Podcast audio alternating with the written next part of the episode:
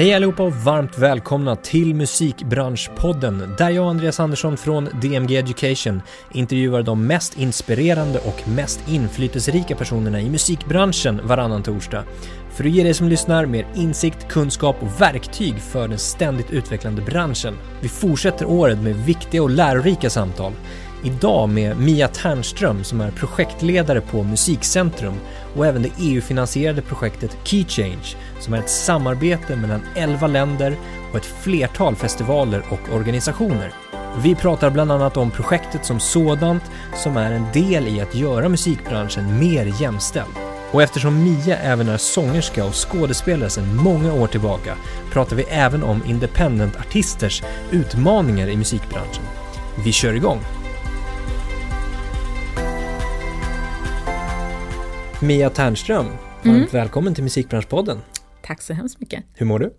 Jag mår bra. Ja, Ja. härligt. Du berättade att du var i USA ganska nyligen. Ja, men det var det som jag tänkte att jag mår ju faktiskt ganska bra. Fast jag Var det därför du tänkte efter lite grann? Exakt, jag är lite jetlaggad och alla som har varit det vet att man mår ju bra fast det finns någonting som surrar där i huvudet som inte riktigt är som det ska. Precis. Mm. Vi ska prata om massa olika saker. Ja, många saker. Eh, många, många saker. Men du får berätta själv. Vem är du?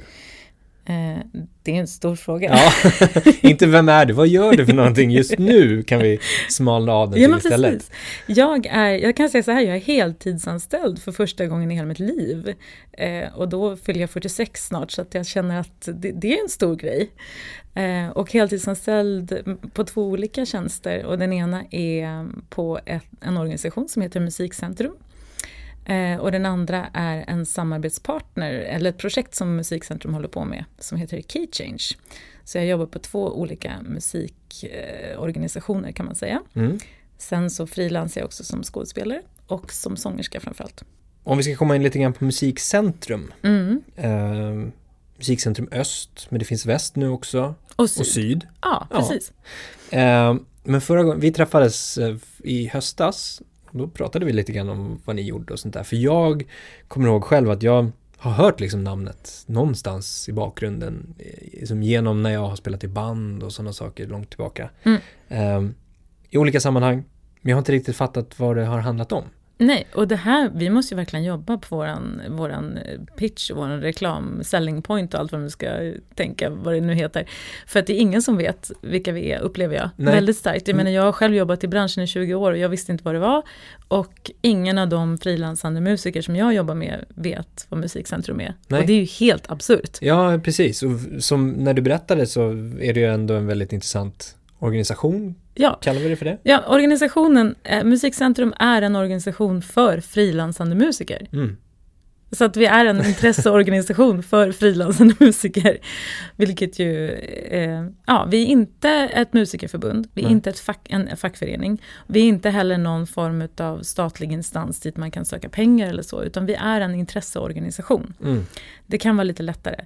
Men det finns eh, centrumbildningar, det finns för alla konstarter i Sverige. Eh, och Musikcentrum var den fjärde centrumbildningen som bildades. 1970 bildades vi Mm. och då fanns det tre centrumbildningar redan. Nu finns det 12, eh, 13 centrumbildningar och till exempel Seriefrämjandet är en centrumbildning Mhm. för sådana som ritar serier. Mm. Mm. Och det är alla orga- eh, intresseorganisationer för olika konstarter. Och det som vi har som gemensamt eh, som uppdrag eller som idé, alla de här organisationerna jobbar ju olika. Men vi ska ju värna och tillvarata de frilansande konstnärernas intressen. Mm. Och vad Musikcentrum gör det är att vi faktiskt har som en av de första uppdragspunkt är att förmedla arbeten. Alltså gigförmedling. Ja. Vilket för det mesta brukar låta väldigt spännande för alla musiker som jag pratar med. De Verkligen. bara, va? Vadå? ja. Förmedlar ni gig? Men vi bara, ja det gör vi. Eh, och sen så brukar de flesta säga, så jaha men vadå, kan man, kan man få gig av er? Och då kan man säga så här, ja det kan man göra. Sen så har vi ju då funnits i 50 år, det finns eh, en lång historia, det finns kulturpolitik, det finns kommersiella intressen, det finns eh, eh, många aspekter Mm. eh, som vi kan prata lite mer om sen. Mm. Eh, Så att det är väl kanske inte alla som vi kan förmedla. Nej. Därför att de som vi förmedlar till kanske inte alltid vill ha eller har möjlighet att köpa in just den, eh, alla typer av musik. Men jag är faktiskt anställd som koordinator för barn och unga. Så min främsta uppgift är att förmedla musiker som spelar för barn och unga. Precis. Vilket man då kallar personer som är mellan 0 till 19 år ja. i kulturpolitiska sammanhang. Ja.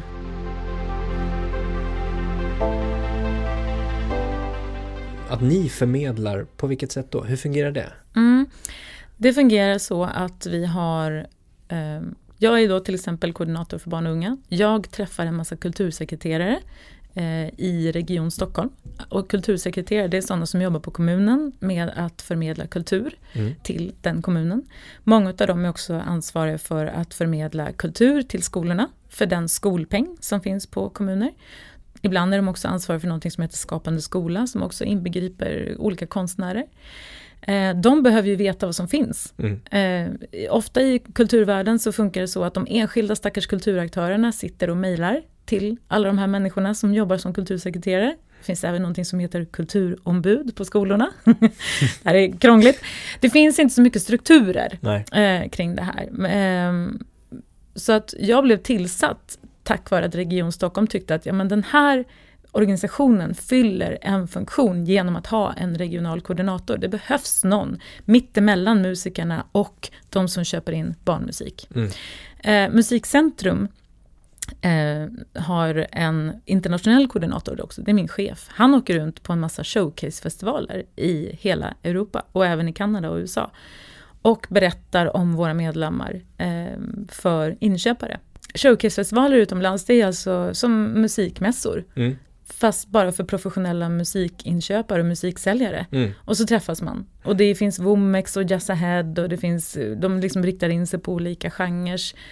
Eh, och då kan vi åka till en sån och berätta om till exempel, vi väljer ut 20 av de bästa medlemmarna som vi känner, de här är export ready, mm. som det heter i musikbranschen. Och berättar för inköpare om de personerna. Så vi fungerar ju som en agent kan man säga, fast vi är ju non-profit. Mm. Men det, alltså det är inte likt som Svensk Live då tänker jag mig. Alltså Sven... där är det ju mer att sälja en artist till en festival. Mm. Svensk Live är ju nu pratar vi återigen det här med kulturpolitiska pengar och eh, kommersiella intressen. Ja, men, eh, men jag tänker så här, i, i showcase-festivalssammanhang. Ja. Så som jag har uppfattat Sweden Live så är ju inte det, det finns, det är visserligen showcase, men det är väldigt uttalat vem som säljer mm, artisterna mm, mm. och att man som inköpare då säljer, eh, köper via de här liksom, bolagen. Mm. Eh, på kommersiella, eller på um, showcasefestivaler som vi åker på, då är vi för det första non-profit. Mm. Som säljare så är vi så kallat icke vinstdrivande, för vi får våra pengar från Kulturrådet och har alltid fått. Vilket gör att vi, vi, behö, vi ska inte gå med vinst. Vi ska inte tjäna pengar på att förmedla musiker. Så därför har vi en annan utgångspunkt. Och det här är ju alltid spännande. Eh, för att det som är bra säljer, samtidigt så finns det ju saker som är bra som kanske inte säljer mm. på samma sätt. Och det är där kulturpolitik kommer in. Mm. För då kan vi sälja, eller vad man ska kalla det för, berätta om eh, spännande konstmusikakter, kanske väldigt smala jazzakter. Eh, barnmusik, där finns det inte så mycket kommersiella intressen och så vidare. och så vidare. Alltså just det här med barnmusik är ganska intressant tänker jag mig. Alltså dels, det är live-sidan av det hela. Ja. Men de um, de artisterna och, musikerna som ni har på barnsidan, om vi kallar för det, spelar de även in, som släpper barnmusik på, på eh, liksom inspelad musik? Absolut. Vi har ju flera stycken av de som har vunnit Grammis för bästa barnalbum de senaste tio åren mm. som medlemmar i Musikcentrum. Och det är också ett sätt att marknadsföra dem, att man berättar att de här har vunnit Grammis, det här mm. är den bästa barnmusik som finns nu. Många av de som köper in barnmusik idag är lika gamla som jag och ha någon sorts såhär, oh, Jojje Wadenius, Djurens brevlåda, eh, Georg Riedel, man har liksom som den här gamla barnmusiken, till och med Gullan Bornemark liksom, som referens. Nu fick ju hon faktiskt en Grammis förra året, men det var ju för lång och trogen tjänst. Eh, men däremot så har det varit, jag är ju också mamma till två nästan, ja, tonårsbarn nu för tiden. Så att under tio år så har jag letat barnmusik som är producerad nu. Mm. Och det har varit svårt. Mm. För det skrivs och det ges ut, men det, finns, det är extremt svårt att marknadsföra. Sen CD-skivan och vinylen togs bort. Det finns inga backar med skivor på, på, på förskolorna längre. Eh, föräldrar har inga CD-skivor. Föräldrar köper inga CD-skivor. Treåringar kan inte hantera Spotify. När du söker på barnmusik på Spotify så kommer Disney-låtarna upp, eller Mello. Mm. Så att de här som skriver superfin barnmusik, då kan jag nämna Emma Nordenstam, Orkester Pop, Britta Persson, Anja Brigrell, alltså folk som skriver fantastiskt bra barnmusik idag, har folk inte hört talas om. Nej. Fast de är helt fantastiska, de är lika bra som Djurens brevlåda. Men det finns inte kanalerna. Nej. Vad, vad, vad blir, alltså, hur ska man lösa det då? Alltså, hur blir det viktigt att jobba med sådana artister?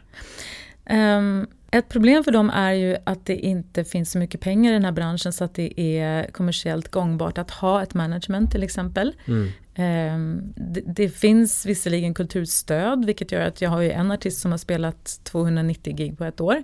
Alltså det är inte så många artister som giggar så mycket. Det är ganska mycket. Ja, men då kanske hon gör tre gig per dag liksom. Mm. För att hon spelar på förskolor. Eh, men däremot så kan man hjälpa dem att marknadsföra sig själva. Men till exempel så är jag jätteledsen över att man har tagit bort Grammis för barn. Så barnskivorna får inte Grammis längre. Mm. Och det säger de beror på att det inte fanns tillräckligt mycket underlag. Mhm. Och det å sin sida beror ju på att det inte går att försörja sig på att vara Precis. barnmusiker. Det blir som ett moment 22. Jajamensan, men jag har också skrivit brev till Spotify som har startat en ny, eh, ny app, har du sett det? Nej? Det borde du ha koll på nu, Ja. eller hur? Ja. Spotify Kids heter den. Ah. Ah. Jo men den har jag sett någonting om ja. Ja, och så gick jag in och sökte där och så tänkte jag nu kommer jag hitta alla mina artister. Ja. Mina Grammisvinnande barnartister. ja. Oscar Danielsson, de kommer att vara där liksom. Mm, nej. Utan det var ju samma sak där. Det var Disney. Mello och det var Disney och det var eh, Barnkammarböckerna och Gullan Born. Alltså det är liksom de gamla, och Bamse, alltså sånt där som liksom som är gammalt och inarbetat. Mm. Så då skrev jag till dem, nu har jag lite kontakter där, så jag skrev ja, mm, jag vill gärna vara med och vara referens här. Om Mm. ni ska kurera låtar till barnvärlden så vill jag gärna berätta om våra artister Ja. och deras låtar. Så jag hoppas att jag får vara det. ja.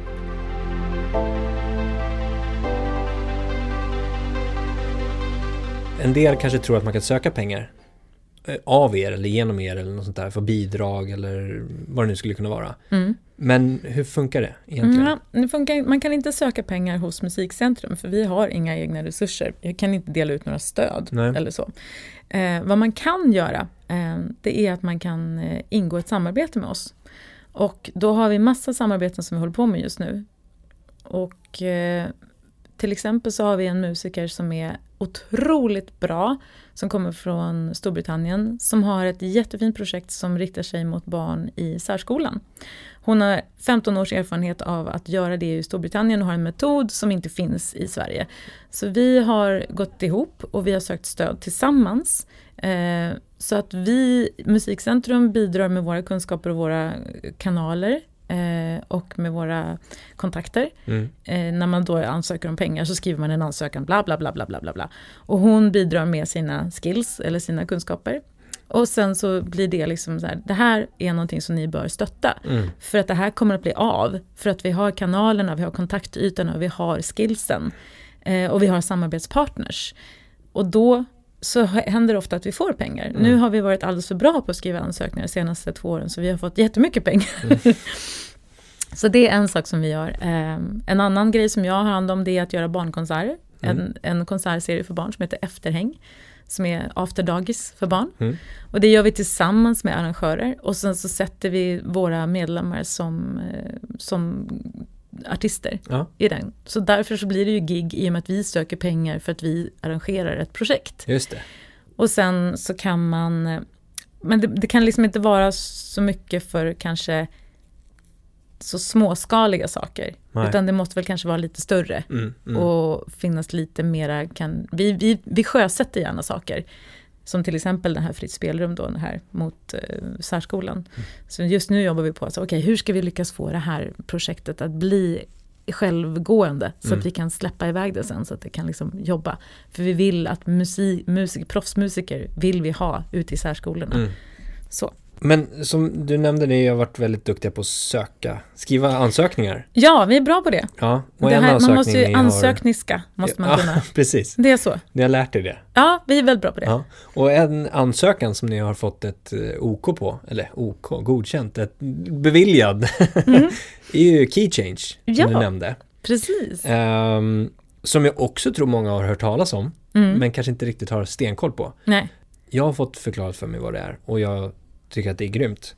Ehm, men berätta lite grann, så här, sammanfattat, vad är det för någonting?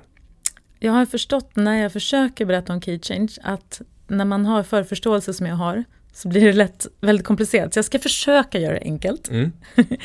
Eh, Jag kan börja med att säga att det inte var vi som skrev ansökan, men vi är samarbetspartner i ansökan. Utan det var någonting som heter PRS Foundation i Storbritannien som skrev ansökning till EU. Precis. Och eh, den här andra omgången så fick vi 15 miljoner Mm. från EU för att göra det här projektet. Och det är ett fyraårigt projekt. Exakt, för det gjordes eh, förra året va? Ja, det Första gjordes gången. mellan två- 2017 till 2019. var Precis, första var om, omgången. Mm. Hela idén kommer sig av att eh, min verksamhetsledare, Ragnar Bertil, träffade mm, Vanessa Reed som var, jobbade på PRS Foundation på ISPA i New York, som du kanske känner till. Eh, nej, Nej, jo, PRS eh, känner jag till. det känner inte till. ISPA. Men ISPA måste du känna till också om du ska ha en, en podd som heter Musikbranschpodden. Så det, men jag har också fått lära mig väldigt mycket sen jag började på Musikcentrum. Så i alla fall, det är en jätte, jättestor, eh, jättestort nätverksmöte i New York varje år för musikbranschen. Mm. De träffades där, började prata om hur det såg till med jämställdheten på musikscenerna. Konstaterade som det var 2015 och som det tyvärr fortfarande är, att det var extremt mycket manliga akter, att det domineras, att det är mellan 70 till 90 procent manligt dominerade musikakter på de flesta musikfestivalscener. Eh, de pratade om hur det här, hur man skulle kunna åtgärda det och kom fram till att vad kvinnor och icke-binära som inte premieras eh, behöver är nätverk. Man behöver varandra och det pratar ju du jättemycket om i din podd. Nätverk, nätverk, nätverk. Eh, så nätverk, skapa nätverk och sen eh, att premiera helt export-ready och eh, ja, kvinnor och icke-binära artister. Så då Mm. skapade man ett program som man sen sökte medel för. Och i det här programmet så är det då nu ett samarbete med 11 länder. Det är 12 musikfestivaler som är samarbeten, samarbetspartners. Och då är det showcase-festivaler Ja, som vi pratade om. Vi har tagit ut 74 stycken personer som sökte. Och då är hälften av dem artister och hälften är musikbranschmänniskor som jobbar professionellt i musikbranschen. De här ska få komma till Stockholm i februari, träffa varandra, nätverka, få någonting som vi på engelska kallar för capacity building. Jag försökte översätta det, vad ska jag kalla det för? Kompetensutveckling. ja exakt. är det ja, bra? Ja. Det låter inte lika coolt. Nej, jag vet, det låter lite myndighet. Ja men eller eh, hur. Jag måste komma på kompetens. någon, någon bra översättning. Men de kommer att få ja, kompetensutveckling Mm. eh, utav oss. Mm. Och de kommer framförallt att få lära känna varandra. Mm. Och de kommer att vara varandras kompetensutveckling. För de kommer att lära sig extremt mycket av varandra. Mm. Och sen ska de få åka på en av de här musikfestivalerna eh, i en grupp. Och då kommer de som är artister att få showcasea. Och de som är det som vi kallar för innovatörer eller musikbranschmänniskor kommer att få sitta i paneldebatter och prata och så kommer de få en massa boost Mm. på de här musikfestivalerna också. Och det slutgiltiga målet är att skapa en mer jämlik musikbransch. Precis, för att idén eller liksom grundtanken är det här att ehm, equality is quality. Mm. Och att liksom ifall vi, jag menar om man läser den här Du måste flytta på dig, har du läst den boken? Nej? Nej, sjukt bra bok om jämlikhet och jämställdhet i musikbranschen. Enligt henne då så är det ju nio personer, alltså nio personer som står för 40% av alla hitlåtar. Ja.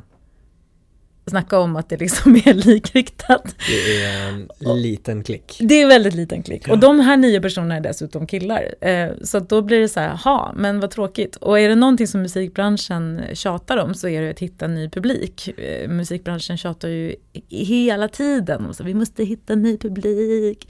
Och då är det så här, ja, det finns 51 procent som kallar sig för kvinnor och icke-binära.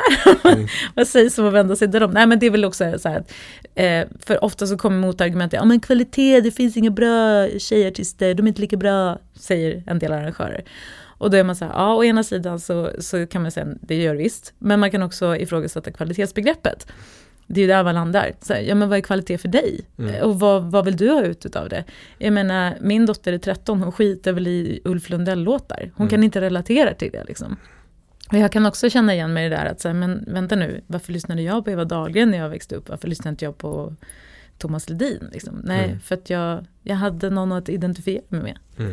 Och det där med identifikation är ju liksom jätte, jätteviktigt. Och jätteviktigt för återväxten av musikbalansen också. Mm. För att om en tjej ska börja ta tag i en trumma så behöver hon se någon, någon som spelar trummor för att ha liksom någon att identifiera, identifiera sig med. Mm. Ja men exakt. Och, och jag tänker också att det behöver, ehm, alltså det behövs ju inte bara sådana här, det här är ju ett jättebra initiativ, men det behövs ju initiativ inifrån branschen också. Mm.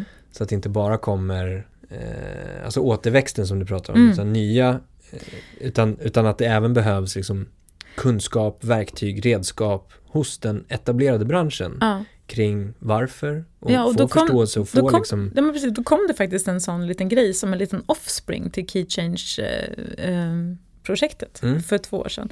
Då var det så att de sex eh, första festivalerna som startade projektet, eller som var med i projektet som samarbetspartners, de kom till grundarna och sa så här, eh, vi tänker att vi verkligen skulle vilja visa för världen vad vi håller på med. Vi vill att det ska vara en jämställd musikfestival. Vi vill visa att vår musikfestival inom fem år kommer att vara helt jämställd. Mm. Eh, kan vi skriva på någon så här pledge eller någonting för det? Kan vi skriva på ett papper och visa att vi, att vi vill göra det? Ja, det är klart att ni kan göra det. Och så skapades någonting som kallas för The Key Change Pledge. Mhm. Så inom projektet så finns det en pledge Mm. som man kan skriva på som musikfestival. Och så kan man skriva på att ja, vi vill, inom fem år så vill vi jobba för att det ska bli en 50-50 uppställning på våran musikfestival. Mm. Och det här blev så fruktansvärt populärt så att inom ett år hade 150 musikfestivaler skrivit på det för att alla ville visa att ja, det här är någonting vi vill jobba med. Sen så modifierade man också hela idén med den här pledgen så att olika musikfestivaler och olika organisationer kunde skriva på det utifrån olika premisser. Så Okej. att för i våras så vidgar vi den till musikinstitutioner. Mm. Så att nu kan till exempel eh, en musikinstitution skriva på The Key Change Pledge och skriva att ja, vi ska jobba för att vi ska programlägga 50-50 med, med inte bara artister utan kanske kompositörer. Vi vill ha 50-50 i vår styrelse. Och då kan man använda kunskapen som finns i Key Change till att argumentera inom sin organisation kring varför. Mm. Eh, och sen så kan man ha det som en så här utåt också, att vi har skrivit på The Pledge. Mm. Mm. Vi jobbar på det här. Mm. Vi vet att vi har Ja, åtaganden. Ja. Och det blir som en liten sån här svanenmarkning i jämställdhetsvärlden. ja, det är ju grymt. Nu är vi uppe i 300. Wow, det är ju mäktigt. Det är sjukt mäktigt, det är som en rörelse. Men en annan sak som är ganska viktig just för kvinnor, det är ju att vi föder barn. Och att jobba som artist och konstnär och eh, med sin kropp och på turnéer och sånt, det är ganska svårt att kombinera samtidigt som du ska ta hand om en bebis. Mm. Eh, på det fysiska sätt som man behöver ta hand om en bebis. Eh, och så har du ju ofta en tendens att gänga dig med någon annan som dessutom också är frilansande artist. Ja. Det är väldigt vanligt. Så kulturpolitiskt så behöver man till exempel se över det här. För att extremt många kvinnor och icke-binära slutar när de får barn. Mhm, Därför att mm. eh, det blir för svårt att kombinera det i arbetslivet med att ha barn. Mm. Så att en sak som vi pratar om nu det är att arrangörer kanske bör ha ett bebisrum. Det kanske bör finnas i alla ansökningsbudgetar eller alla budgetar som läggs. Eh, pengar för barnomsorg Mm. för att artister ska kunna komma till de här scenerna och ta med sig bebis och barnvakt. Mm. För det är ju sånt där som man måste jobba med själv som artist. Kostar skitmycket pengar, jättemycket kraft och gör att man oftast avstår från att gigga. Mm. Men det är någonting som alltså, är kulturpolitiskt som skulle kunna påverkas. Det tänker jag. Eller att man generellt liksom bara har det bakom örat. Att just ja, vi ska ju anställa en yrkesgrupp som jobbar extremt mycket med att åka runt. Mm.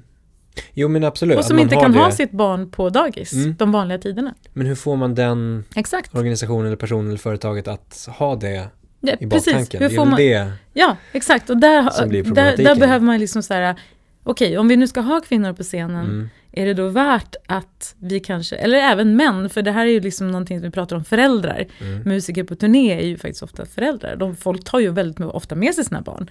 Men det är som att det är liksom en undantagsgrej. Man tar inte liksom hänsyn till det. Det finns oftast där kanske inte rum för de här barnen, det finns inga pengar för att anställa en barnvakt eller så. Mm. Så det känns som någonting som man vill gärna sätta på agendan. Mm. Det är många barn som växer upp med under bord på rockklubbar i ölflaskor och ja men du vet, det mm. känns som att det vill jag ändra på. Precis.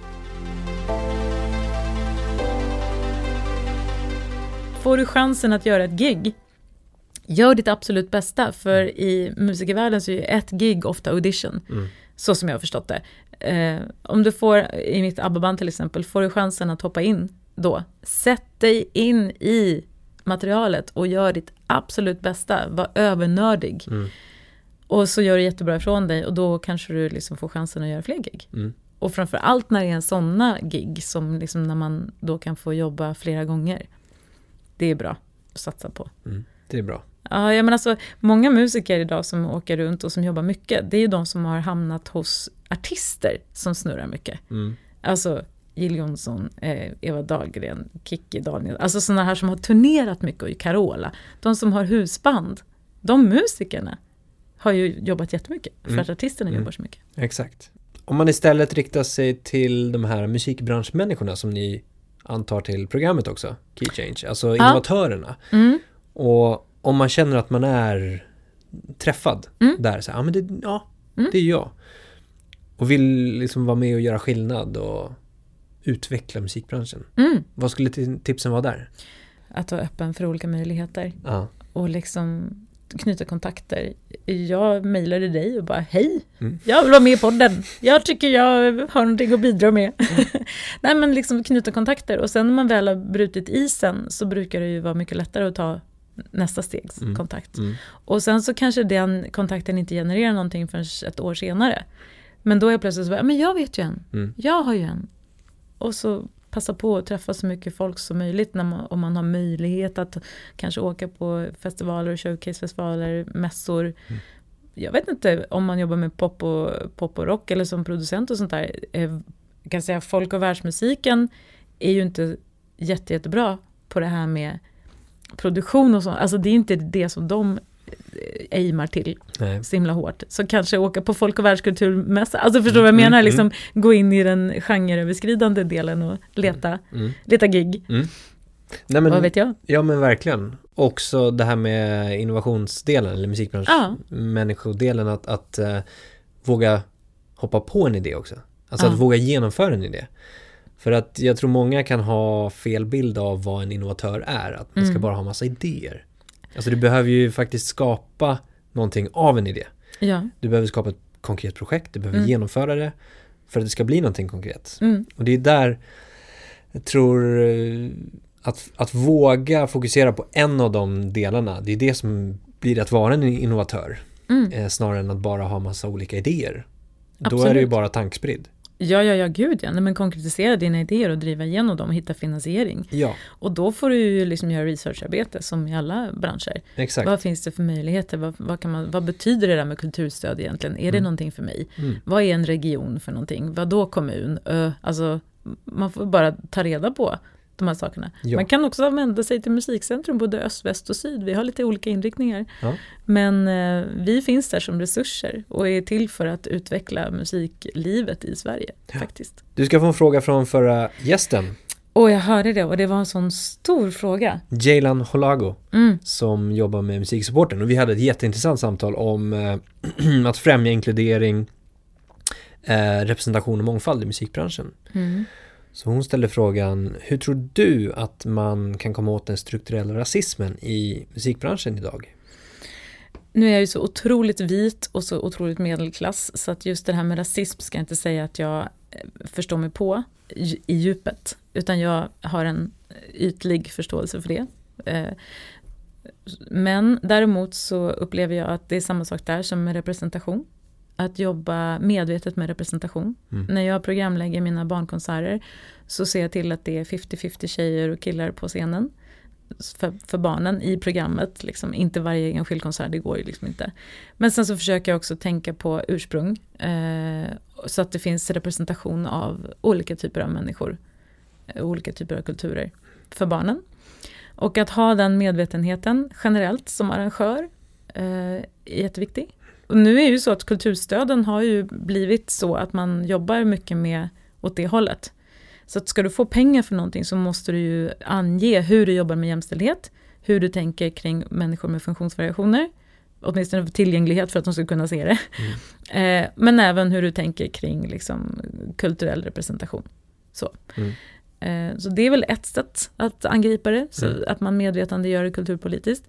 Ett annat sätt är väl att det som händer nu, det är ju att Pippi till exempel på Astrid Lindgrens Värld eller på, på Junibacken är spelad av en tjej från Indien. Och att, att det liksom inte är någon diskussion utan att det bara är så. Mm. Jag såg den här filmen um, Ted med min dotter. Mm. Och då åker han runt på, på 70-talet och spelar på folkparkerna. Och i filmen så är det en mörkhyad tjej som är basist. Jag tror inte att Ted hade en mörkhyad tjej som basist på 70-talet. Men jag tror att filmskaparna medvetet har satt henne där mm, mm. för att min 13-åriga tjej ska kunna se en tjej som är mörkhyad och är basist mm. i en stor film. Och det tycker jag är härligt. Mm. Även om det kanske är ljug, citationstecken, så är det liksom, ja men det är konstnärlig frihet som vidgar vyerna och vidgar normerna. Mm. Svar på frågan? jag vet inte. Tycker jag. Ja. Absolut. Eh, det finns ju inte en lösning, Nej. en och samma lösning. Eh, men det finns många olika eh, tankar och idéer man skulle kunna jobba med såklart. Ja, och uppmärksamma sig själv och liksom hela tiden ha en spegel på sig själv och tänka på vad man säger och fundera lite grann på. Ja.